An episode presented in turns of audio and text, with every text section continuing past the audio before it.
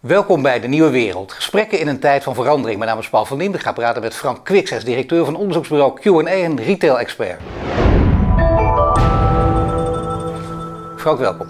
Ja, dankjewel. Nou, het is een uh, mooie dag op spreken. Dat wil zeggen een zonovergrote dag. Ik zeg er even bij, want de actualiteit kan ons altijd achterhalen. Mensen kunnen hier gelukkig heel lang naar kijken. Het is vandaag uh, vrijdag 29 mei.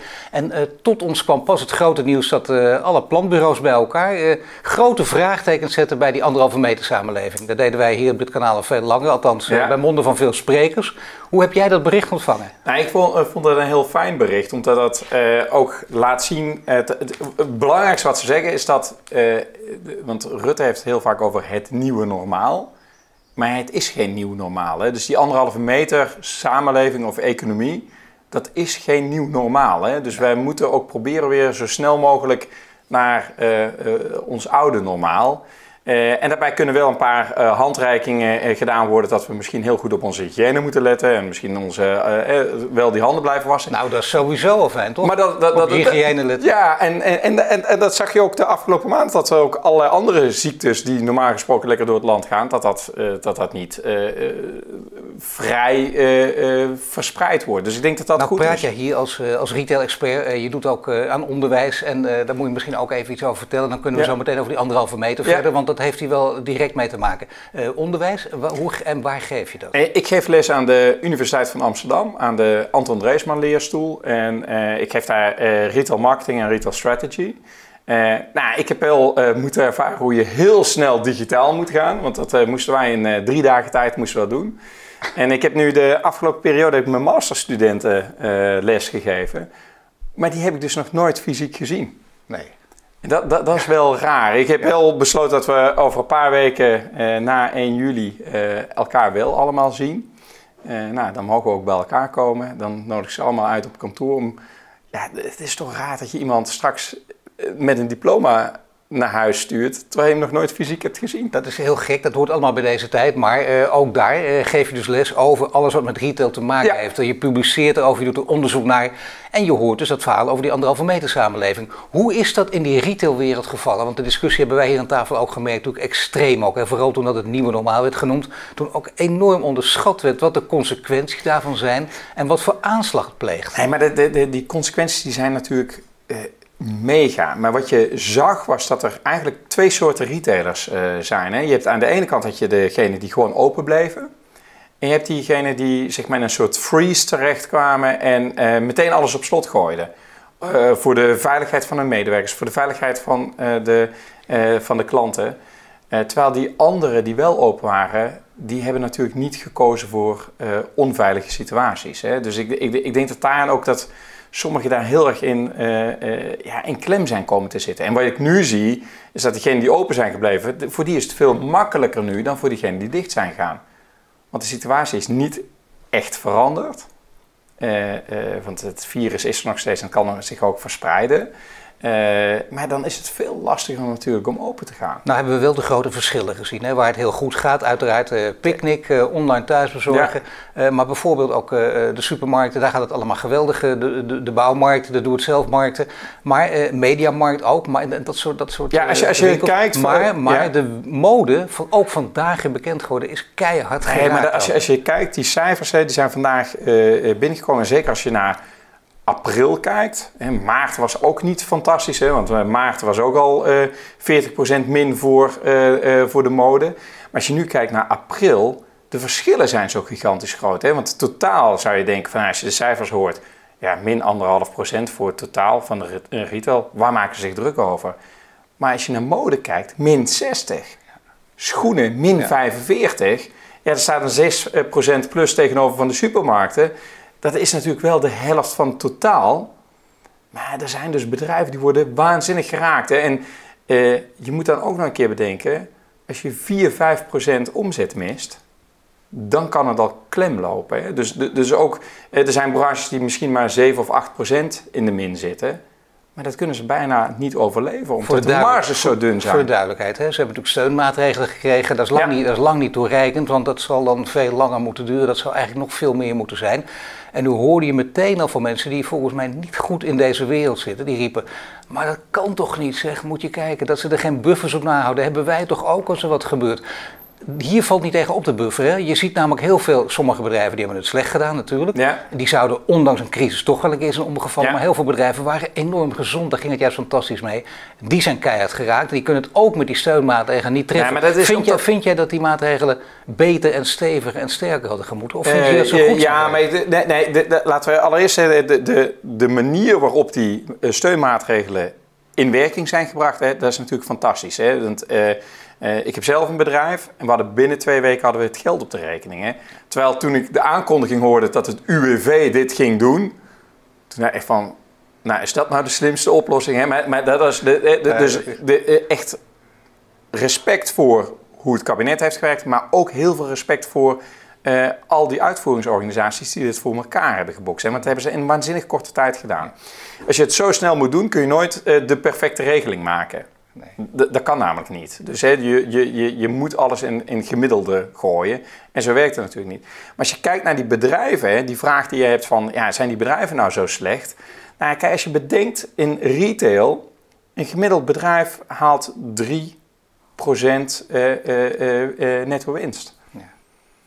Eh, als je dan maar een paar procent omzet mist, eh, dan, eh, want in die laatste paar procenten zit die winst. Hè? Die zit, er wordt, daar hebben bedrijven of mensen hebben daar misschien niet zo, zijn daar niet zo bewust van. Maar Black Friday heet Black Friday niet omdat het een waanzinnig drukke dag is, maar omdat dat de eerste dag is dat retailers zwarte cijfers schrijven. Dus dat is de eerste dag. Dus, en dat duurt nog een hele tijd. Hè? Dus, dus in oktober. Hè? En dan is pas het eerste moment dat retailers normaal gesproken winst gaan maken. Dus dat zit in het laatste staartje. Nou, dan moet je kijken, deze crisis, uh, dat hele gedoe met die anderhalve meter. Uh, het wordt je heel moeilijk gemaakt, want op die manier is het ook heel lastig hè, met heel weinig mensen die je in je winkel kunt toelaten. Al die rituelen daaromheen, wat het allemaal niet prettiger ook maakt om, om gewoon te winkelen. En meer dus kosten met zich meebrengt. En meer kosten met zich meebrengt, noem maar op. En bovendien, eh, je kunt ook niet op lange termijn vaak, want je weet koers, want je weet het ook niet. Het is nog steeds veel te onzeker, wat voor heel veel ondernemers lastig is. Dat hoor ik van veel ondernemers. Ja, nou, de, de, de, daar kijk ik dan wel anders naar. Hè. Kijk, ja, we weten allemaal niet hoe lang dit gaat duren. En uh, een paar maanden geleden sprak ik met, uh, een paar maanden geleden, een paar weken geleden, sprak met een, een retailer. En zei van, ja, maar het is toch heel simpel. Als, het, als je niet weet hoe lang het gaat duren, dan gaat het automatisch van het bakje tactische zaken naar strategische zaken. Want dan moet je het strategisch gaan aanpakken. En dan ga je er gewoon vanuit dat het gewoon lang gaat duren. Dus dit is een lange termijn situatie en daar ga ik aan werken.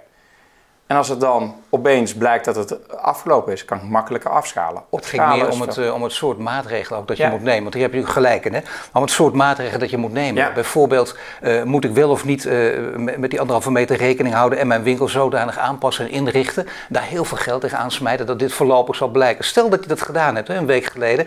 En je krijgt van nu via de planbureaus en ook andere bronnen nu steeds meer te horen dat het aan het schuiven is. Waardoor je aan je water kunt voelen, nou dit kan er wel eens aangaan. Dus ik, heb, ik had hier helemaal niet in moeten investeren. Dat maakt het zo lastig. Ja, nee, daar, ben ik met je eens. Alleen uh, zolang het kabinet niet zegt, uh, we kunnen ervan afstappen, zit je ermee.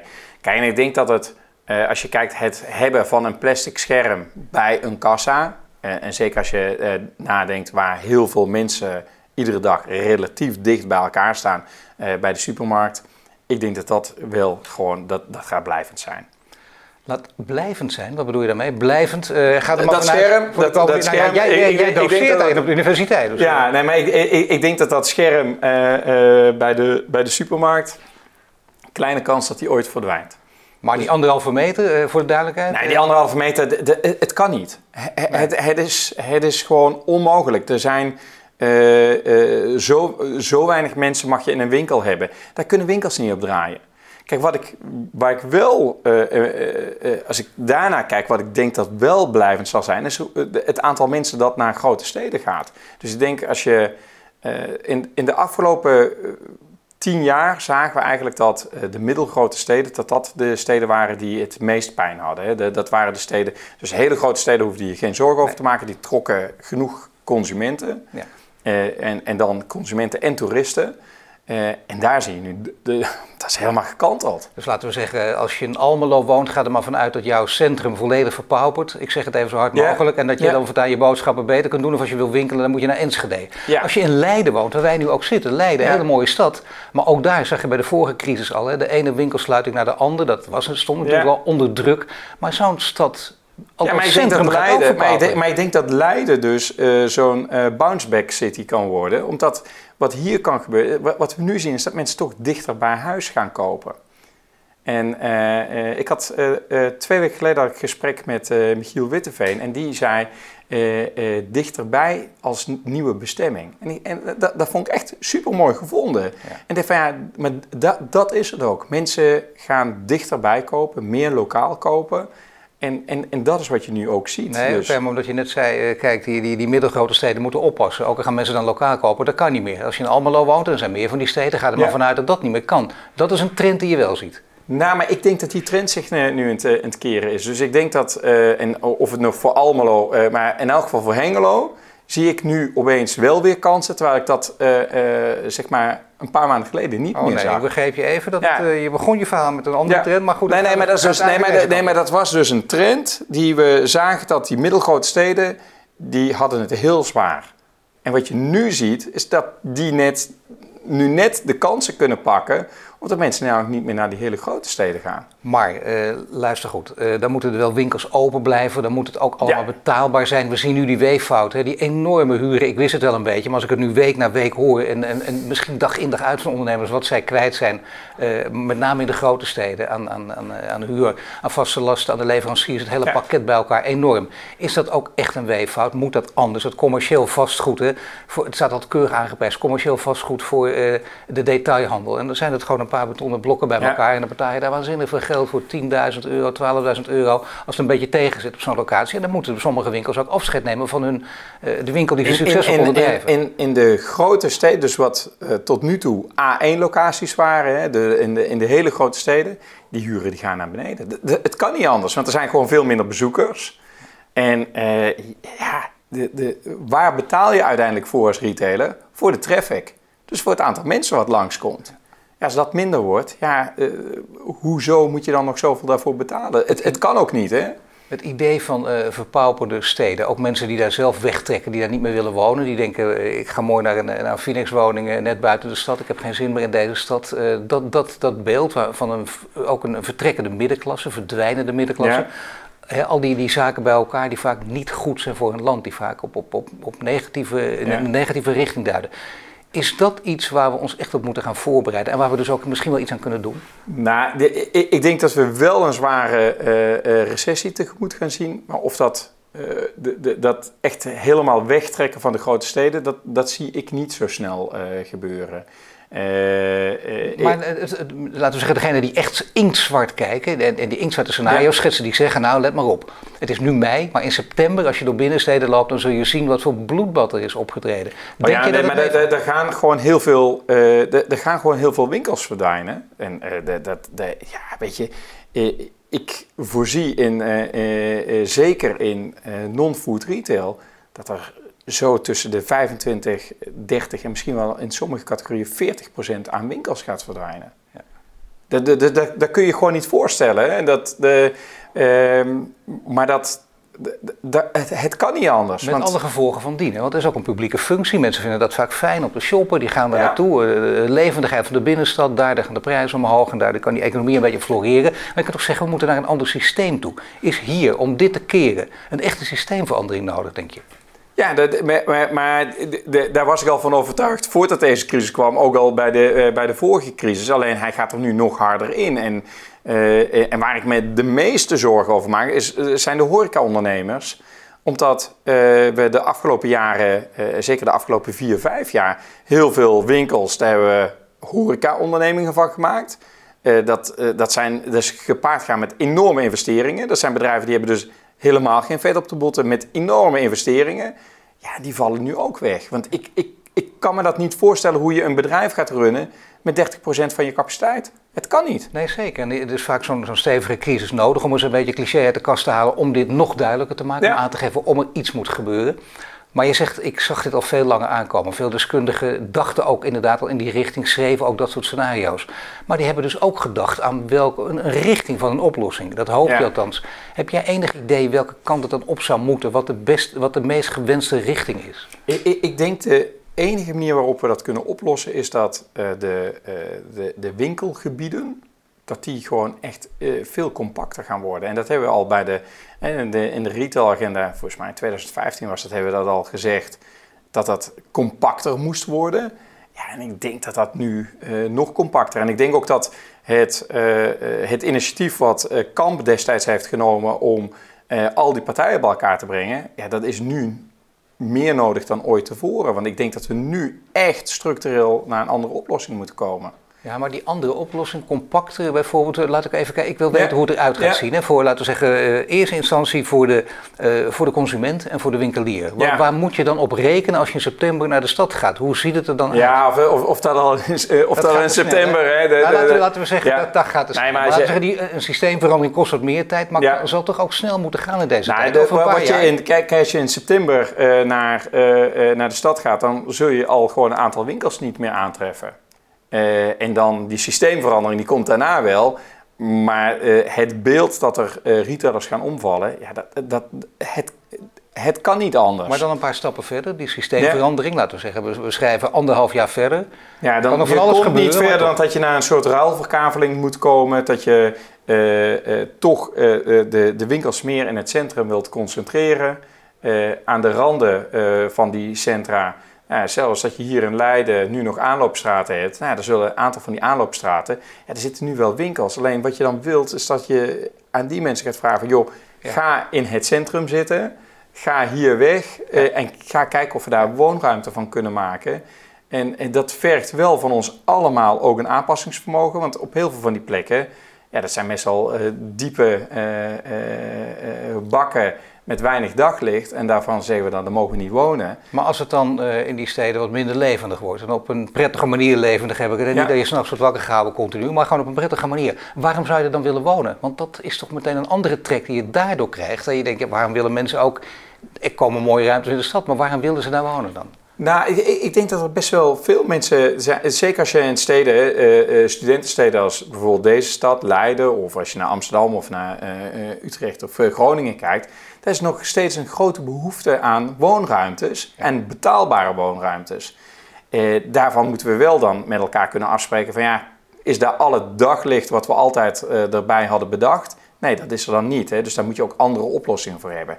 Ja. Maar goed, als je naar grote steden in het buitenland kijkt, daar, daar, daar wonen mensen in loften en dat is, de, de, dat is chic om daar te wonen. En, en nu hier is dat niet zo. Ja, dat hebben we in eh, New York eh, met Ja. name altijd gezien. Ja. Daar begon eigenlijk die ontwikkeling. Dan is er nog iets, namelijk als het gaat over de grote warenhuizen. Eh, vaak wordt er al gezegd, Nederlands trots en kijk eens naar bijvoorbeeld V&D. Dat ging ten onder. Hudson's Bay kwam opeens een buitenlandse partij hier. Ging heel snel ten onder. Had de, totale, had de Nederlandse markt totaal niet begrepen. Maar daarna, de HEMA, Marcia Boekhoorn.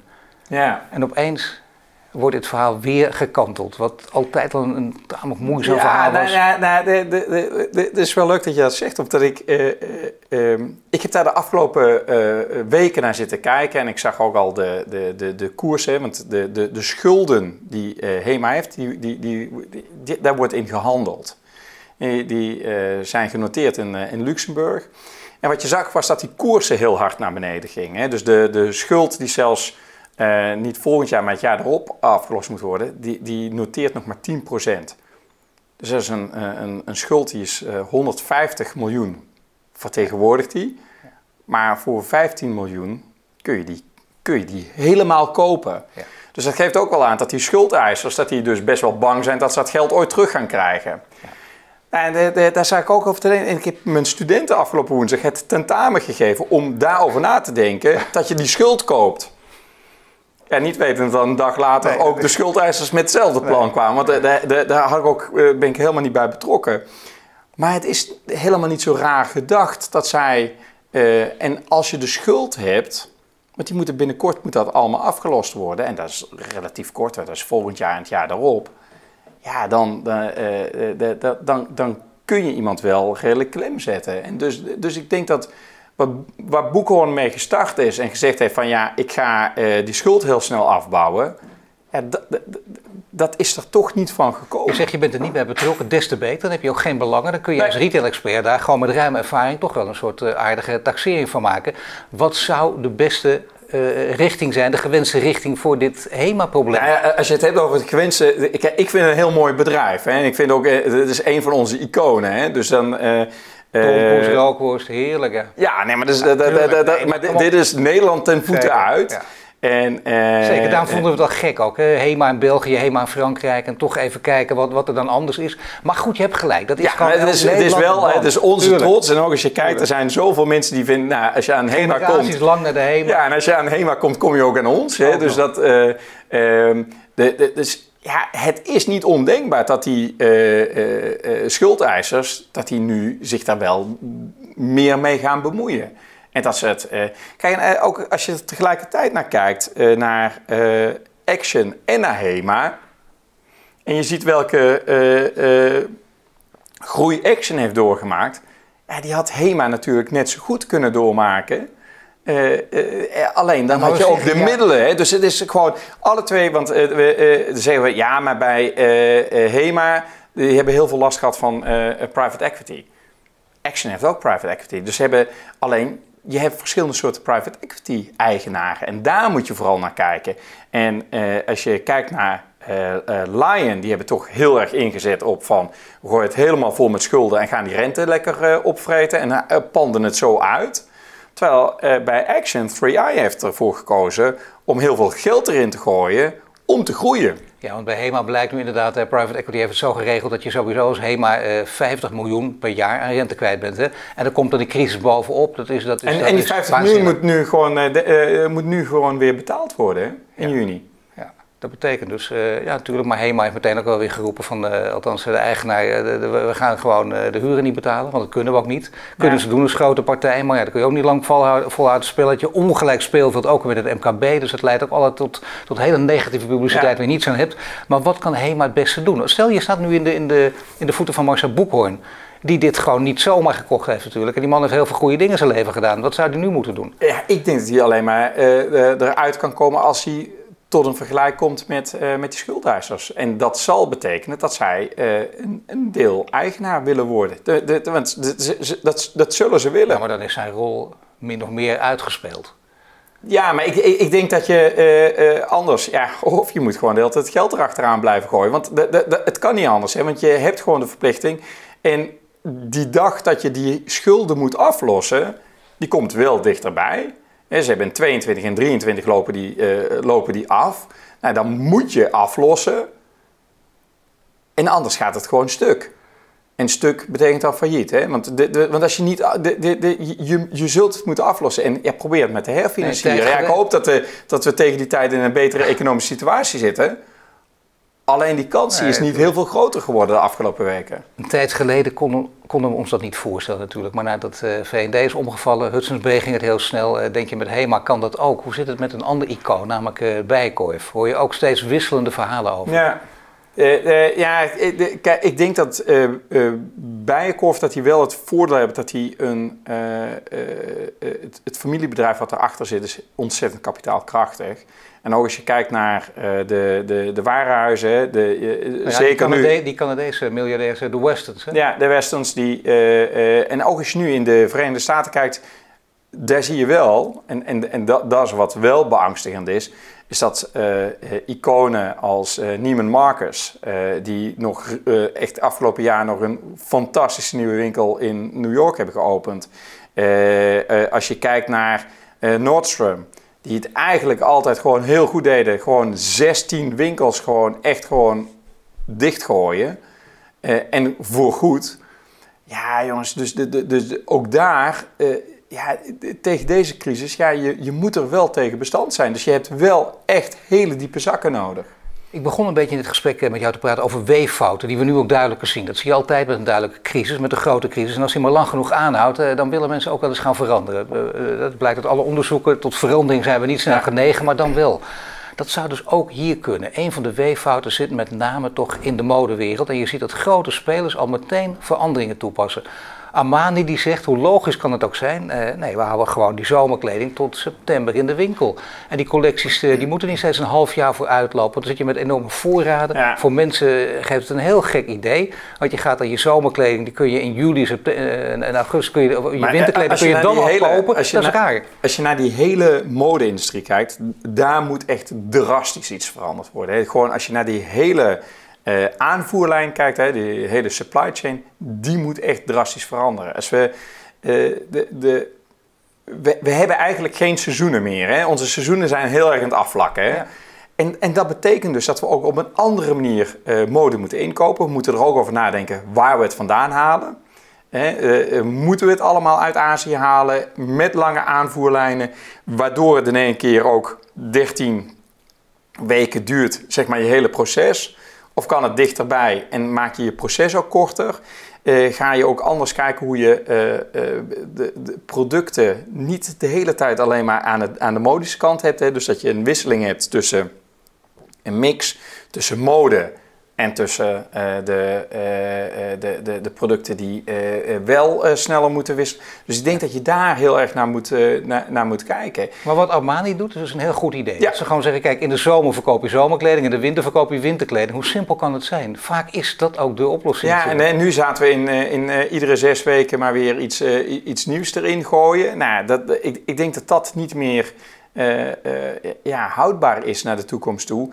En ik denk ook dat uh, fabrikanten, dus merkeigenaren en winkeliers die uiteindelijk die producten verkopen, dat die veel meer met elkaar moeten samenwerken. En dat je daar ook over na moet denken van hoe je nou die, uh, die, die waardekolom waardig houdt. Maar wacht even, samenwerken. Laten we even het designercircuit blijven kijken. Dan heb je dus de grote merken zoals Armani, Louis Vuitton, dat hele grote concern houdt zich nog even stil. Ja. Burberry, noem ze allemaal op, er zijn er zoveel. Gaan die ooit tot samenwerking besluiten? Kijk, nou, concurrenten nee, die elkaar het licht de ogen niet gunnen? Ja, maar, dat, eh, maar, maar, als je uh, naar dat deel kijkt, hè, dat is een relatief klein deel van de totale markt. Hè. Misschien nog in geld, maar niet in stuks. Hè.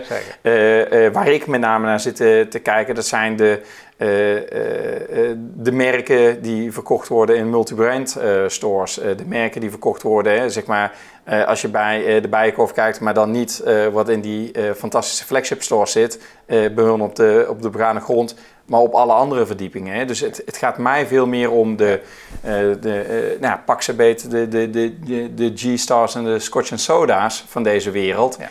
En dat je daar gaat kijken, hoe kun je nou beter samen, een betere samenwerking krijgen tussen de winkelier en de leverancier. En waardoor je zorgt dat een aantal uh, hobbels die in de, het hele proces zitten, dat je die eruit haalt. En dat het ook een duurzamere waardekolom wordt. Want Wat dat ik interessant vind, ik weet niet of dat kan natuurlijk. Duurzaam heeft ook te maken met voorraden bijvoorbeeld. Hè. Mensen blijven nu vaak met enorme voorraden zitten. Je kunt ook slimmer inkopen. En ik weet dat er één pitters zijn die dat al doen, die dat risico al nemen. Dus je hebt bijvoorbeeld vier jurken en dan komt een mevrouw die zegt, ik wil per se die jurk hebben. Ja, helaas, die is weg op de eerder. En, en dan geen nieuwe ook halen. Zeggen, nee, dat is jammer. Dan weer een dat is een veel betere manier, toch? Of niet? Ja, maar ik denk dat de, de, de, de voorraden, maar ook als je de. Uh, kijk, de, de, de leverancier die heeft die voorraden heeft hij ook hangen. En die kan natuurlijk niet oneindig veel voorraad hebben. Maar als hij de voorraad op een centrale plek heeft. En hij kan ze daarna nog verdelen naar de goede plekken. Ja. Uh, ja. dan snap ik ook als winkelier dat ik een lagere marge krijg. Maar ik loop ook minder risico. En uiteindelijk kun je dan veel beter, dus waar we naartoe moeten, is veel beter voorspellen wat we uiteindelijk nodig hebben. Uh, daar helpt deze crisis overigens wel gigantisch bij, hè? want we zien nu dat er 60% omzetuitval is in de mode. Nou, dat leidt ertoe dat er straks minder spelers zijn. En daar is ook waar we naartoe moesten, want we hadden namelijk gewoon te veel aanbod. En doordat we te veel aanbod hadden, ja, werden de prijzen ook steeds lager. Nou, ik denk eh, net zozeer dat we straks een eerlijke prijs voor een ticket moeten betalen, moeten we ook een eerlijke prijs betalen uh, voor een Colbert of voor een jurk. Maar wacht even, ga er maar vanuit dat uh, dat jasje dat jij nu aan hebt, uh, nou weet ik het, ik gok even, nou daar heb je toch denk ik 300, 400 euro voor betaald. Dan moet je straks het dubbele voor neerleggen of, of 100 euro meer of niet? Ja, de, de, het, kan wel zijn dat je er 40 of 50 euro meer voor betaalt. Ja. En, en ik denk dat dat ook niet... ik denk dat dat ook niet verkeerd is. Hè? Dus dat we... en ik snap ook dat er straks een crisis komt en dat er dus ook mensen zijn die uh, veel minder te besteden hebben. En daar moeten we ook aanbod voor hebben. Ik wou net zeggen, het is een beetje onhandig als iedereen de true price nee, nee, maar moet gaan betalen. Ja, maar in iedere waardekolom zit een, uh, zit een eerlijke prijs. Hè. Dus ook bij Zeeman zit ook een eerlijke prijs. Ja. En, uh, en ik ga niet zeggen dat ze bij Zeeman dan straks ook 50 euro extra op een t-shirt van 4 euro moeten doen. Helemaal niet. Nee. maar daar, daar, daar zit... De, de, als zij nu een t-shirt hebben voor 2,99 dan is hij misschien straks 320. Eh, eh, als het gaat over systeemverandering, hebben we dus inderdaad vooral over mode. Daar zal het als eerste plaatsvinden. Dat denk jij dus ook. En je hebt al een paar voorbeelden gegeven. Het heeft dus ook met die voorraden te maken. Want we denken nu ook, nu blijven ze met die voorraden zitten. Veel winkeliers ook. Wat doe je dan? Weet je, wel? je wil ze niet uh, voor niks weggeven. Je wil ze niet, uh, je kunt er niks mee. Nou, dus, ja, de, de, dus Burberry, dat kennen we nog het verhaal van een paar jaar geleden. Die moesten toen na flinke druk toegeven dat ze die voorraden gewoon verbrand hebben. Daar uiteraard denk ik grote nee, maar dat, dat, dat, kan sowieso. En weet je, dat, dat, is, uh, en, en dat doen zij omdat ze het merk dan, want ze willen niet dat er te veel in de markt komt. Maar als je nu kijkt, kijk, eh, een van de dingen die uh, op een gegeven moment uh, aan het begin van deze crisis uh, heel erg ter sprake kwam, was dat we een verbod op uitverkoop moesten krijgen. Nou, ik denk dat dat heel onhandig, ik denk dat het een onverstandig besluit zou zijn als je dat zou doen. omdat wat ik zie is namelijk dat die bedrijven die hebben namelijk cash nodig. En ja, het klinkt misschien als een cliché, maar cash is king. Hè? Dus de, de geld hebben in deze crisis is het allerbelangrijkste wat je hebt. Liquiditeit. Gewoon omdat je namelijk spullen kunt blijven kopen. En daarom dus het uitverkopen, dus zorg dat je weer geld binnenhaalt, is heel belangrijk, want je hebt straks wel weer een nieuwe voorraad ja, nodig. moet ik je toch even tegenspreken, Frank. Althans, uh, dat, uh, dat weet ik natuurlijk nooit zelf. Dat hoor ik van ondernemers. En uh, met name de MKB-wereld, die zeggen juist niet, hou op met die uitverkoop. En zeker op deze manier. Want wat zagen wij? De winkels gingen we open, CNA, 70% eraf. Oftewel, riepen die ondernemers. Ja. Daarmee geef je dus aan de consument aan, ah, je hebt altijd veel te veel betaald. De Zara's van deze wereld, de hele grote spelers kunnen dit makkelijk doen. Maar het MKB is de pineut, die nou ja, juist van die uitverkoop af. Ja, nee, maar ik, ik, ik snap dat zij van die uh, uitverkoop af willen. Uh, en, uh, en kijk, en het was op een gegeven moment was het gewoon altijd uitverkoop bij ons. Alleen in deze situatie, je hebt gewoon cash nodig om weer nieuwe spullen te kunnen betalen. Je hebt cash nodig om gewoon ook je huur te kunnen betalen. Kijk, dan kun je zeggen van ja, ik ga de rekening leggen bij, bij de verhuurder. Nou, ik denk dat hij wel mee moet delen in de pijn. Hè? Ik denk dat iedereen mee moet delen in de, in, in de pijn. Uh, maar uh, het, een verbod op uitverkoop dat is geen, dat, dat is geen oplossing. Nou, laat ik dan een volgende eh, voorstel doen. Althans, dat doen deze, deze MKB-ondernemers ook meestal. Die zeggen, nou dan doe je, zorg je dat je net als bijvoorbeeld in België, dat je die uitverkoop keurig regelt. Bijvoorbeeld één maand, ik weet het niet precies geloof, maar één maand, ik dacht juli, juli of augustus, één maand in de zomer, de solden. En ook nog één maand in de winter. En dan weten we precies waar we aan toe zijn. Maar niet inderdaad heel vaak en heel veel. En stiekem eh, online uh, ook ik, ik, ik ben daar denk ik dan toch een, een te grote liberaal voor om, om regels aan de, aan de verkoopprijzen. Uh, uh, overigens is die uh, solde in België is ongeveer het enige land waar die nog geldt. Duitsland doet er ook aan, dacht ik. Nee, Duitsland heeft hem niet officieel. Hè, want want volgens Europese regelgeving mag het nou niet. Hè, want het is nou prijsbinding. Nee. En dat is iets wat sowieso niet mag. Nee. dus de Belgen lopen ook heel vaak tegen die, tegen die solde aan. Je ziet ook dat heel veel ondernemers in België met succes er ook uh, uh, langs laveren. Dus dat, dat, dat, dat, kan gewoon ook prima. Ehm, wat, in wat je in Duitsland wel ziet, is dat daar de uh, zomersloesverkoop en wintersloesverkoop, dat dat veel meer gedragen wordt door de branche. En, en, en dat kan wel. Hè? Dus dat je zegt met elkaar van jongens, laten we nou kijken dat, het, dat we dat wat meer uh, concentreren in een bepaalde periode. Laten we met elkaar afspreken dat we uh, niet voor die tijd dat gaan doen. Dat mag je niet op schrift zetten, want je mag namelijk geen prijsbinding, je mag geen prijsafspraken maken. Eh, maar dat je het wel wat meer eh, coördineert. Nou, dat, dat, lijkt mij prima. precies, want het argument dat je net inbracht van ik ben te liberaal om. Ja, dat klopt. Dat was in, in, ik zou bijna zeggen, in de oude wereld kon je dat makkelijk gebruiken, dat argument. Maar ook mensen die heel liberaal zijn, liberaal zijn opgevoed en zo denken, heb ik zelf ook een beetje, die, die gaan toch wat schuiven. Die denken, wacht even, er is wat aan de hand. Is het wel Ja. liberaal? Want liberaal heb je weer de vrije markt. Maar ja, dan hebben we, hoezo vrije markt? Er is toch geen gelijk speelveld op, een- op een vrije markt? Is er ook een gelijk speelveld? Zo allemaal... wa- waarom vind jij dan dat er geen gelijk speelveld is? Nou ja, vraag het aan de MKB'ers. Die, die, die eh, zeggen toch ook, kijk, als je bijvoorbeeld een eh, Zara bent, dan kun je makkelijk zeggen, ik betaal de huur niet. Dan kun je als kleine speler gewoon niet doen. Eh, Ja, je hebt, nee, goede adviseurs in dienst, je hebt Ja. het geld en je kunt meteen Ja, ook... nou, de, de, de, k- kijk of je makkelijk kunt zeggen dat je de huur niet, eh, niet betaalt. Hè. ja, maar Dat- private bankers, strategische analisten, die heb je dan natuurlijk wel als Zara in huis. Die heb je niet als kleine MKB'er, dat is onbetaalbaar. Nee, dat, dat, begrijp ik ook. Alleen die lokale ondernemer heeft nou iets anders. Die kent zijn klant. Dat is echt gewoon... Als je kijkt, hè, voor mij zijn... eh, eh, ik heb de afgelopen eh, weken met heel veel retailers gesproken. En klein en groot. En als ik daar even mijn lessen trek uit, uit deze crisis... Hoe kun je nou nu nog steeds geld verdienen? En allereerst is het connectie. En ik heb drie C's. connectie, creativiteit en content. En wat ik zie is dat ook kleine ondernemers heel slim hiermee omgaan. En vaak beter dan grote ondernemers. En wat zij doen is, zij kennen de klant en zorgen dat ze ook met die klant communiceren. Oprecht communiceren. Vervolgens zorgen ze ook dat ze daar hele goede content bij hebben. En dat kan heel simpel. Hè? Ik heb ondernemers, hè, er is een, eh, een, een dame uit, eh, uit Bunschoten, kleine eh onderneemster. En eh, wat zij heeft gedaan is dat zij eh, via WhatsApp contact is gaan maken met al haar klanten. Want daar had zij namelijk de mobiele telefoonnummers van.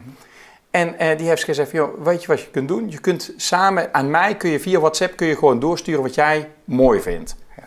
Ik stel een pakket samen voor je. Stuur mij je adres en ik hang een tas op aan je deur. Alles in jouw maat. En vervolgens, eh, het, het is super creatief. Ja, weet je, toen ik dat zei tegen een, eh, een grote modeondernemer, zei hij, ja, is niet schaalbaar. Nee, maar voor haar wel. Voor haar is het haalbaar en betaalbaar. En, zij, en zij verdient dus gewoon geld. En zij is de hele tijd open geweest. Ondanks dat eh, klanten niet per se naar haar toe hoefden te komen. Nee, en je kunt de volgende stap, dat hoor ik ook van retailers, die zeggen inderdaad eh, nog meer eh, ja, persoonlijke hulp, eh, persoonlijke adviezen geven, afspraken maken afspraken, bijvoorbeeld ja. en zo. En dat is natuurlijk, dat zou wel een verschuiving kunnen zijn. En Ik, ik, ik, ik heb dit jasje vorige week gekocht bij, bij, bij, bij, bij een klant van me. Maar de- die zei van, joh, die belde me ook en zei van, zullen we even afspreken? Ik zei, ja, prima. En op afspraak bij hem in de winkel, we- weet je, we hebben er lekker bij kunnen kletsen. Opgepaste afstand, net zoals dat wij hier Nou, we zitten. zijn er bij een klant van je, dus eh, je kreeg ook een fikse korting. Nee, nee, maar, de- de- Oh. weet je, maar, nee, nee, maar weet je, Nee. maar eh, eh, ik wil geen korting van klanten, Nee. maar ik wil ook niet dat klanten korting willen bij mij. Nee, maar eh, weet je, maar ik, ik, ik kom uit een ondernemersgezin en mijn ouders hebben altijd winkels gehad en wij kochten altijd bij onze klanten. En dat deden onze klanten ook. En dat is een beetje, ja, een beetje middenstandsdenken misschien, maar dat doe ik zelf ook. Ik koop dus bij klanten. Dat betekent toch een beetje verschuiving. Hè? We praten hier vaak over de grote thema's, globalisering, lokalisering. Dat zie je ook in deze wereld meer optreden. Daar hoef je Ja. niet in een glazen bol voor te kijken. Dat kun je met, met recht en reden voorspellen dat het die Ja. kant ook op gaat. Hier ook dus. Hè? Ja. Dat je zegt, ook hier op dit gebied, het blijkt eigenlijk al, al drie, vier keer bij voorbeelden die, die we nu bespreken, dat het die kant op zou gaan en dat die spelers ook eh, kunnen Dus, dus, overwinnen. ik, zo. ik, ik- dus ik maak me ook niet waanzinnig veel zorgen voor de, de, de allerkleinste. Hè? Want ik denk van, speel het op je eigen creativiteit. Op het feit dat je echt goede connecties hebt met je klant. Dus jij kent je klant. En, eh, en, en zorg daarbij hè, met de, de, eh, de, de middelen die we nu hebben. Iedereen is gewend ondertussen met beeldbellen.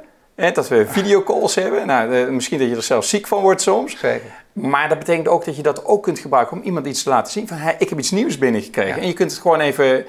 En dan zeg je, nou ja, die vind ik wel leuk en die vind ik wel mooi. Stuur maar op. Nou, stuur hem op.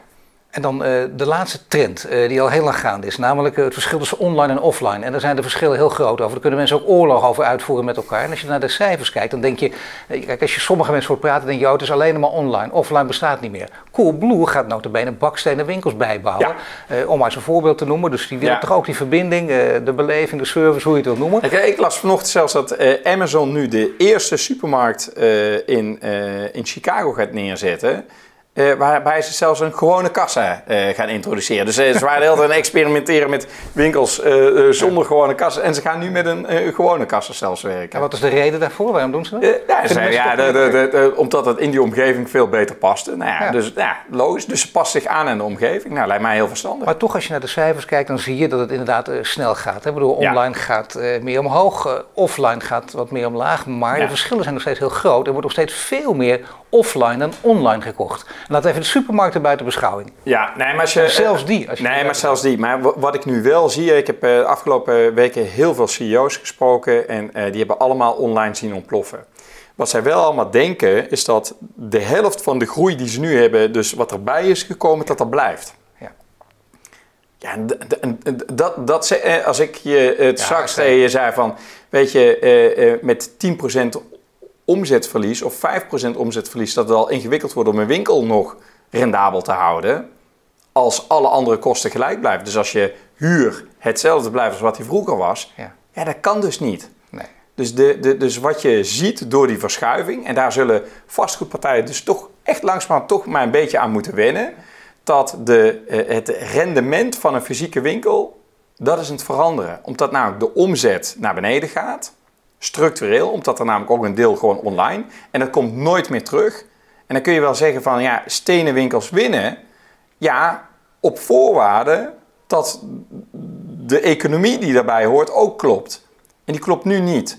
Dus dat betekent ook dat huren zullen gaan dalen. Of we het leuk vinden of niet, kunnen we eh, heel lang eh, als een struisvogel nog kop in de zand steken. Gaat niet werken. Huren gaan naar beneden.